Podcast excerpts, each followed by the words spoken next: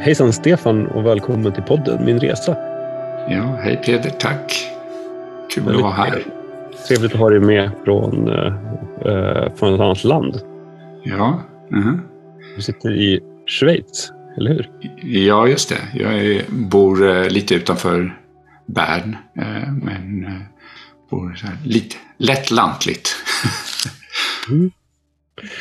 ja, men eh, hur, eh, jag tänker så här, hur ska man hur ska man ta sig an det här? Det kanske är hjälpsamt om, man, eh, om du beskriver lite grann den eh, situationen, den kontext som du befinner dig i eh, just nu.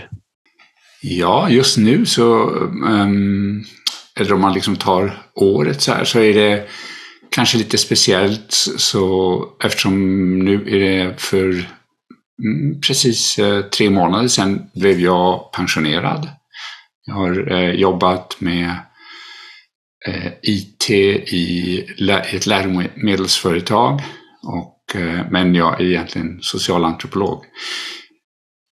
Och att bli pensionerad så tycker jag det är nog någonting som det är så lite större eh, större katt liksom i, i biografin. Och eh, ehm, det har också fört till att jag har mm, funderat lite på vad jag vill göra eh, med den tiden som nu står till förfogande.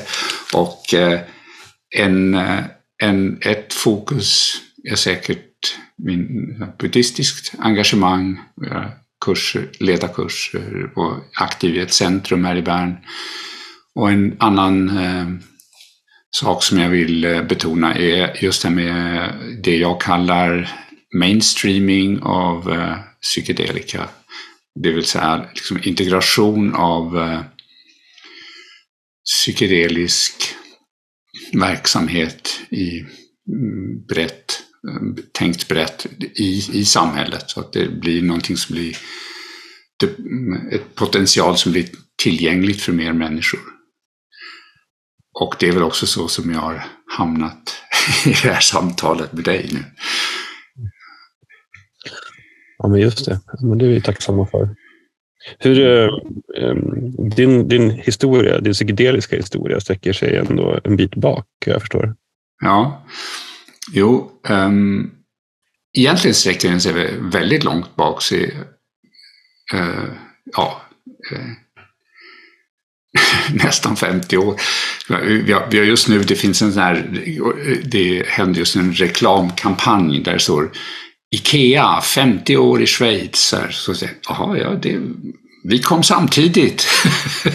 Ikea har haft större um, framgång finansiellt än jag, men uh, vi kom samtidigt till Schweiz. Och som tonåring då på gymnasiet så hade jag en del, inte särskilt mycket, men en del så här psykedeliska erfarenheter som jag tyckte var väldigt spännande men också lite skrämmande. Och uh, så eh, jag tror jag hade rätt mycket respekt för det och eh, även om eh, jag var nyfiken så, så var det ändå alltid en viss återhållsamhet där. Och sen med 25 så började jag med buddhistisk meditation och då ändrades rätt mycket i mitt liv och jag mm, slutade helt med att ta vad, vad det än var, alkohol, eller psykedelika. Så. Och när jag var så här knappt 40, så på mitten av 90-talet, så eh, var, gick jag för första gången i mitt liv i en psykoterapi. Och efter eh, ungefär ett år så, här, så frågade terapeuten, eh, känner du till eh, psykolytisk terapi? Alltså det är en psykedelisk terapi med lägre doseringar. Och så, aha, det har jag talas om, det låter spännande. Och så, så, på, ja, så kom det sig att jag då helt oväntat egentligen eh, fick kontakt igen med psykedelika. Och det som var verkligen spännande var att se hur, jag, hur det var en helt annan värld för mig än det, den världen jag hade upplevt som tonåring. Som tonåring då var det liksom färgerna, effekterna, kicken, liksom, eh, allt som händer och så här. Samtidigt rädslan, nojan, allt det här som, som gjorde det så lite skrämmande också och, och, och olämpliga settings. Och på mitten av 90-talet i en, en terapeutisk grupp så var det största skillnaden för mig först egentligen var ju helt att vara hållen i en ram som jag visste att det här är personer som har, verkligen tar ansvar för det de gör. Jag kan verkligen känna mig säker, det är ingen fara här. Och, eh, och att eh, upplevelsen var helt eh, annorlunda. Det, var, det handlade inte längre om effekter eller färger eller intensitet på så sätt, utan det handlade om umgång med känslor, emotioner, tankar, relationer. Egentligen, man kan säga terapeutisk content, så att säga. Och det var inte så olika det jag um, uh, kände till från meditationen, men uh, det var ja, det, det, som var annorlunda kanske var att just det här det relationella kom med. Och Ehm, så, så, som i meditation kan vara väldigt individuell, att jag liksom uh, sitter för mig och um, handskas med, med det som händer. Det, visst, visst, är det alltid också i relation till andra, men det är inte det som, där tonvikten är. Och, uh, så, så det var en helt annan upplevelse. Och, och Eh, en grej som jag också tyckte var kul, att som, liksom, som tonåring, då var så här, lite post-hippies, liksom missat hippietiden men så lite eh, på efterkälken. hippie på efterkälken och, så här, lite, kände sig ändå lite utanför. Så här.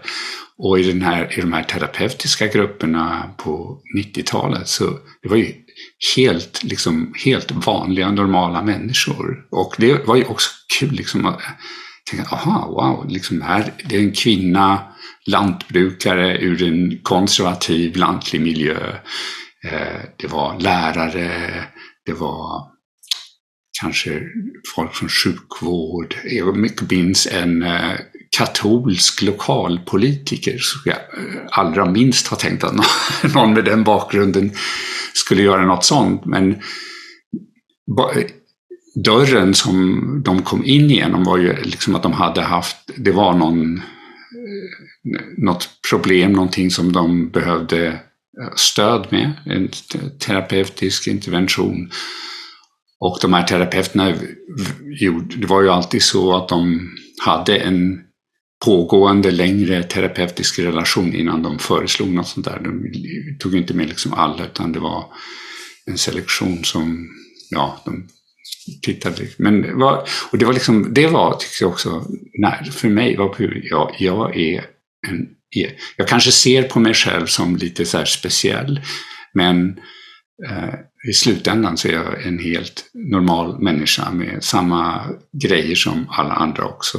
Och att kunna träffa andra helt normala människor på ett plan där mänskligheten är främst och inte skillnaderna vi har som personer eller det liv vi för eller politiska åsikter eller konservativ, liberal, utan liksom det som verkligen visar sig är det mänskliga planet. Planet som, inte ens mäns, mänskliga plan, plan som djur eller ja, träffar varandra på ett väldigt, eh, liksom väldigt basic. Så här.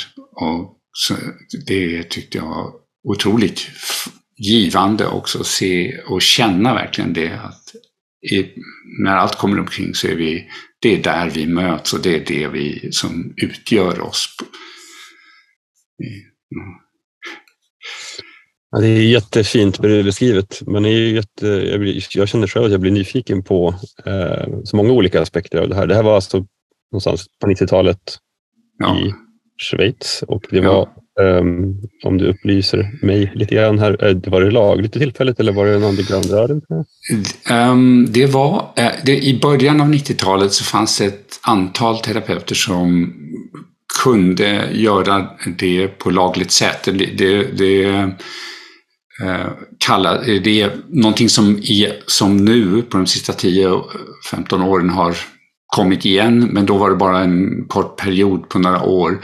Och det var att liksom från lagligt sett så var ehm, um, LSD eller MDMA, eh, eller ecstasy kallas också, det, det var inte lagligt, eh, men ehm, liksom hälsovårdsmyndigheterna, de, de, statliga, hade möjligheten att säga eh, en, det som kallas här så compassionate use, alltså man kan kunna använda det trots att det lagligt sett inte var eh, fortfarande var förbjudet, men att man kunde säga att okej, okay, i detta sammanhang så kan det användas för att man tänker att det har större, en så pass stor nytta att man kan göra ett undantag. Men det, på 90-talet så var det bara en kortare tid, var förstås också rätt mycket motstånd. Det är, liksom, det är väldigt speciellt. Och eh, flera av de terapeuterna som hade tillstånd att göra det fortsatte att göra det då eh, underground eh, efter det att liksom den här perioden hade slutat. Och Eh, jag, eh, jag är verkligen imponerad av ehm, det mod de hade också. För det var ju det var en risk, men de var väldigt, väldigt um, samvetsgranna hur de, hur de lade, la upp det här och hur de valde vilka personer som var med och så. Eh, men, men ändå, det var ju, de riskerade egentligen sitt um, sitt yrkesliv kan man säga.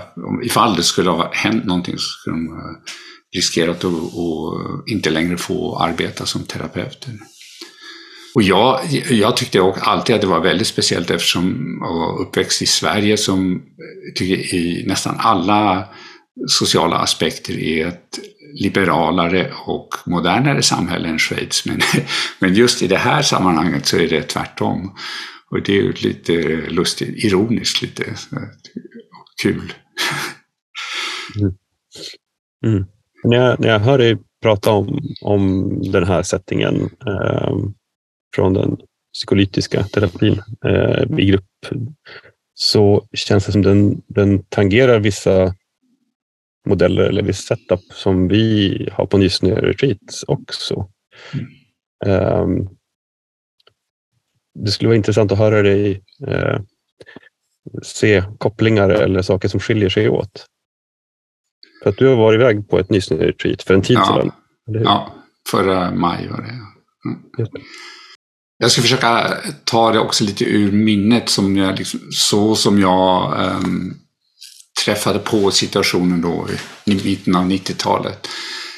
Um, ehm, det, det som väl är liknande och när jag jämför också med andra settings som jag, som jag lärt känna, eh, så är det helt klart att det präglar situationen, att man vet att det är erfarna psykoterapeuter som leder det här. De, eh, de, eh, de har ett terapeutiskt perspektiv, ett psykologiskt perspektiv.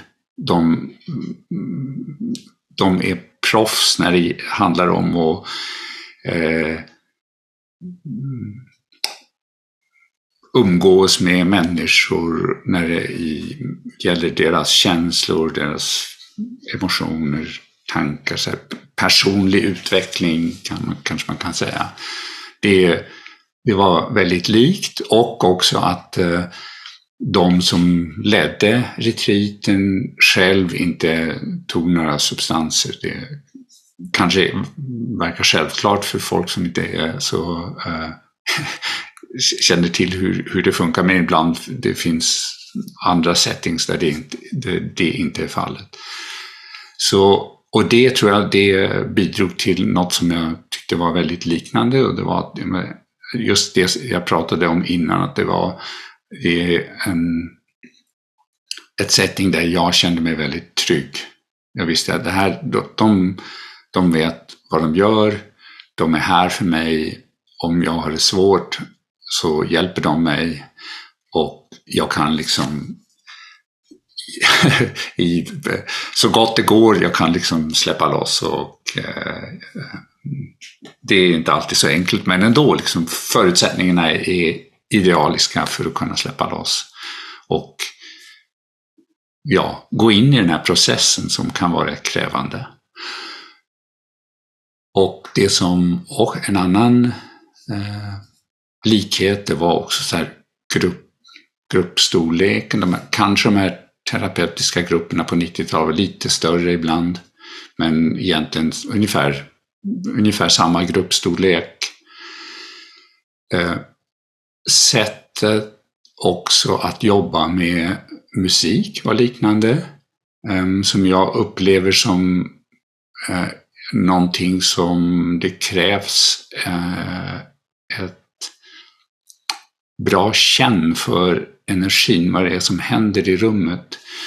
Och om någon har det och ehm, eh, det tyckte jag Filip hade, en känsla för vad som händer, vilken musik är det som passar nu, så kan man stödja den här processen på ett eh, mycket hjälprikt sätt. Och det var någonting som jag också har, eh, som jag ser som parallell, som jag tycker det, tror det är kanske liksom psychedelic therapy best practice, liksom att eh, ja, använda musik på ett sätt som stöder processen, underlättar processen, hjälper folk och i det de som krävs av dem just i, i, i den här situationen.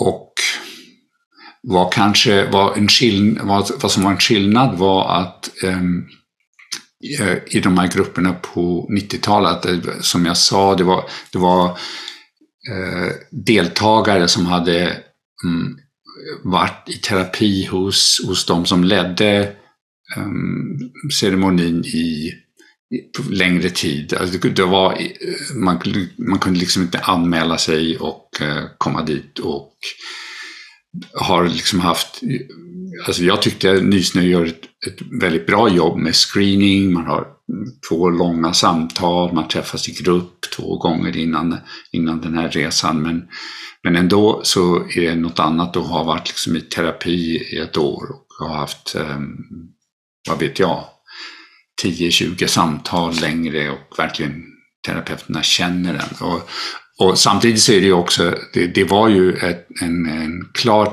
terapeutisk utriktning och det också någonting som är annat med, med, med Nysnö-retreaten, att de, det är inte en terapeutisk utriktning. Man kan ju inte undvika att, jag jag tror varje människa har någonting som, som eh, vill eh, vara, eh, som ropar att man ska eh, ta itu med det och Eh, personliga saker. Så det är liksom inte, inte det, det går ju inte att utesluta, men det är en annan utriktning och eh, det, det märktes nog också att, att eh, å ena sidan att det kanske var starkare den, den utri alltså att de som var deltagare, att de var um, starkt involverade i en personlig process som var pågående. Och eh, och i Nysretitet så var det kanske enstaka som man kände, okej, okay, det, det, här är väldigt liknande och andra var det, var det inte alls så mycket. Mm. Ja, men det är lite ja. spännande att lyssna på, eh, tycker jag. Eh, eftersom jag också är bekant såklart med Nysnös eh, format. Eh, jag är också nyfiken på när du Ehm, jag vill såklart komma in till lite nutid också, men, men eh, hur du upplever med det, ja, med det liksom buddhistiska raster som du gick in i det här med eh, mm. några år efter den här uh, mer vårdslösa eller ungdomliga approachen. Mm. Um, hur, hur upplevde du det, eller hur upplever du buddhismen kontra den psykedeliska upplevelsen? Ja, um, jag, jag, har haft uh, föredrag om det här temat några gånger och uh, jag brukar Eh, säga att jag tycker det är viktigt att ha någon, en bas i eh, en, något slags spirituell verksamhet när man eh, jobbar med psykedelika. Och eh, det har två skäl skulle jag säga. Det ena är att en psykedelisk upplevelse inte har någon inbyggd mening eller en inbyggd eh, bruksanvisning. Utan som jag sa, det var som tonåring, det var en helt, annat upplevelse, eh, helt annan upplevelse än i den här eh, terapeutiska gruppen. Så ehm, eh, det beror väldigt mycket på vad man, eh, hur man går in, vilken motivation man har, vilken, vilka avsikter man har och Ehm, och om man har um, en, det behöver ju inte vara buddhistiskt, men, men uh, om, man om man har en bas i någon, kan man säga, kanske världsåskådning som, som ger en en möjlighet att uh, hitta ett perspektiv i en sån väldigt, väldigt uh, intensiv och personlig erfarenhet. Eh, kunna interpretera den på något sätt. Det behöver inte vara alltså att man säger att det här är liksom sanningen med den upplevelsen. Men jag skulle tro att om man tittar religionshistoriskt på sådana upplevelser så är det ju um, uh, om någon uh, kristen munk hade en, en, upplevelse i öknen så då såg de Jesus och en, en, en uh, eh, någon, om en indiansk eh, präst i, eh, i Sydamerika hade en intensiv upplevelse så kanske de såg mer än någon panteistisk eh, gudhet eller något sånt där. Så, så det, det, och det har ju inte liksom med upplevelsen i sig att göra, men jag tror att det eh, eh, hjälper om man, om man har ett system som, som kan få, Eh, stödja navigationen av den här intensiva upplevelsen. Och eh, eh, jag tycker att buddhist, buddhism är lämpad för att å, å ena sidan är eh, buddhism väldigt tillgänglig för oss i industrialiserade mm, västvärldssamhällen. Den är åtminstone den buddhism jag ägnar mig åt är rätt rationell, den är väldigt, mm, det finns en, det är enkelt att se, se den genom en psykologisk eh, eh, blick, se den med en psykologisk blick. Eh, ehm, den är processorienterad och det handlar mycket om process. Den är, um, vad säger man, den ger mig makt. Jag är, inte, jag är inte beroende av nåd eller så, utan jag är å ena sidan mäktig, jag kan handla, jag, men jag är också ansvarig. Jag, jag, jag, jag bestämmer lite i vilken riktning det går. Det, det vill inte säga att jag kan bestämma riktningen på en psykedelisk ut, eh, erfarenhet, men jag kan ändå ge en viss riktning och säga att det är dit jag vill. Och jag tror också att det är um, den delen av buddhism som jag tycker är viktig också, att, att um, främja hjälpsamma mm, um, kvaliteter som i, i personliga som generositet eller um, uh, tålamod eller uh, uh, kärlek, uh, glädje, många kvaliteter som, som är um, del av en buddhistisk praktik som jag ägnar mig åt, som jag tror hjälper i, en, i ett psykedeliskt sammanhang. Där tror jag är ett, det är ett bidrag som uh, olika spirituella traditioner kan göra till att uh, psykedeliska erfarenheter blir verkligen vinstbringande, att, man verkligen, att potentialet kan eh, utnyttjas, att man verkligen kan lära sig någonting, att, den, att man verkligen kan gå in i en personlig utveckling som inte bara hjälper en själv, men ens omgivning också. Mm. Ja, jag tänker på massa olika saker när du pratar. Um, Eh, rent personligen, när jag gick in i min första upplevelse hade jag egentligen ingen livsåskådning. Eh, och eh, jag tror att det ändå är en... Det kan ju vara en, en det är en ganska vanlig ett vanligt scenario, i alla fall i svenska samhället idag. Att man har, det är nästan tabu att ha någon slags livsåskådning. Men med följd då att efter min första upplevelse så kände jag mig också ganska vilsen. Vad, mm. vad ska man göra med Vilka lådor ska man stoppa ner det här i? Eh, det är inte ens okej okay att ha de här lådorna. Det, det, ja, det resonerar väldigt mycket med mig, det du säger. Och jag, jag, jag är ju själv, jag menar, jag är som sagt, jag, jag studerar eh, socialantropologi och religionsvetenskap. Så, så, jag har väl också en, en något sån här eh, detached hållning där. Liksom, ja, okej, okay, ja, och, och, och, om någon frågar mig så, så tvekar jag att kalla mig buddhist. Jag, jag, jag, vill inte bli satt i lådan för buddhism, för även om jag, det, det, jag håller på med det i 40 år. Och, eh, så, eh, och jag är engagerad i ett centrum, jag ger så här introduktionskurser till buddhism och så här. Men jag, jag tar lite avstånd också från det. Jag brukar säga att det är sekulär buddhism som jag lär och som jag tycker är viktig. Och man, det är ju lite definitionsfrågan. Jag ska, det är därför kanske också jag säger att eh, pratar om en spirituell utriktning, inte en religiös. Fast det är, hur man använder de här begreppen är lite eh, villkorligt. Mm.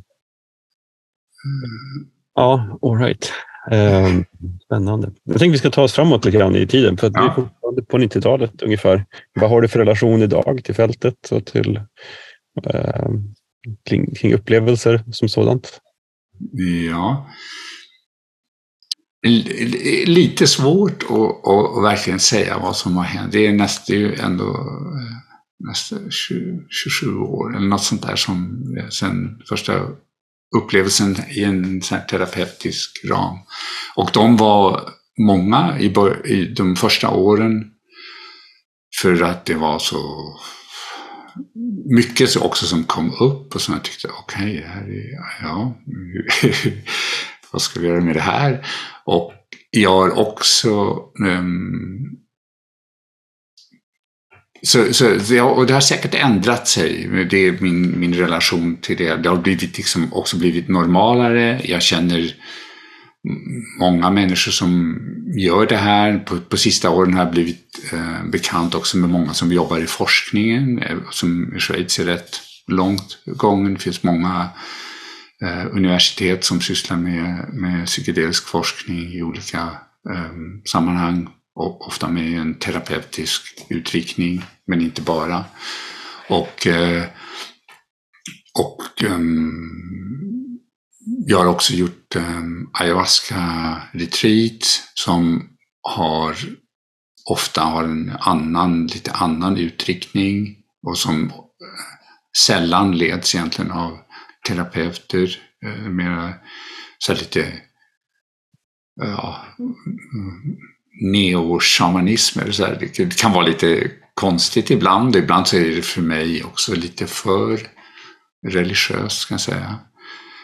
Men också spännande och se hur, hur jag umgås med det här.